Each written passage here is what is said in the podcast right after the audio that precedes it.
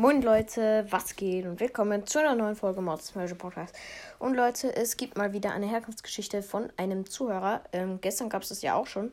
Und zwar Herkunft von Mortis von Hammermax. Ähm, ja. Mortis wurde von vielen in der Stadt gehasst.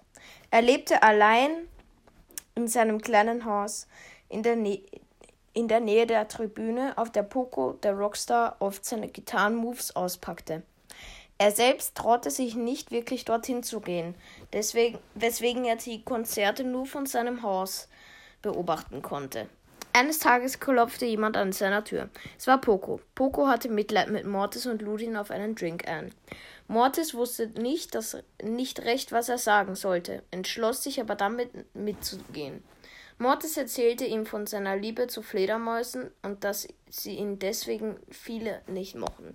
Ähm, am nächsten Tag veranstaltete Poco ein Fest und sagte seine Meinung zu Mortis. Die Menge verstummte erst, aber als Poco die Wahrheit über Mortis und sein Leben erzählte, haben die meisten eingesehen, dass Mortis wirklich gar kein schlechter Mensch ist.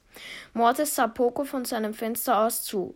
Ihm war es ein bisschen peinlich, aber trotzdem fühlte er sich gut. Unter einer der Gästen war der berühmte Zauberer Byron, der Mortis als Entschädigung für das viele Lästern eine Zauberkraft geben wollte. Byron sagte einen Zauberspruch, auf dem auf der Mortis seine neuen Kräfte geben sollte, und Mortis bedankte sich bei Byron. Seitdem ist Mortis ein normaler Herr mit Zylinder oder sagen wir fast normal.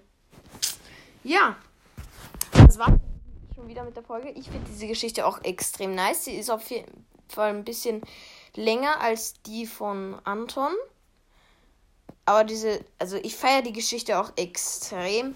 Auch Ehre, dass du das mit Mortis gemacht hast. Ähm, ja, heute kommen noch Brawl Stars Challenges mit Basti. Ciao, ciao.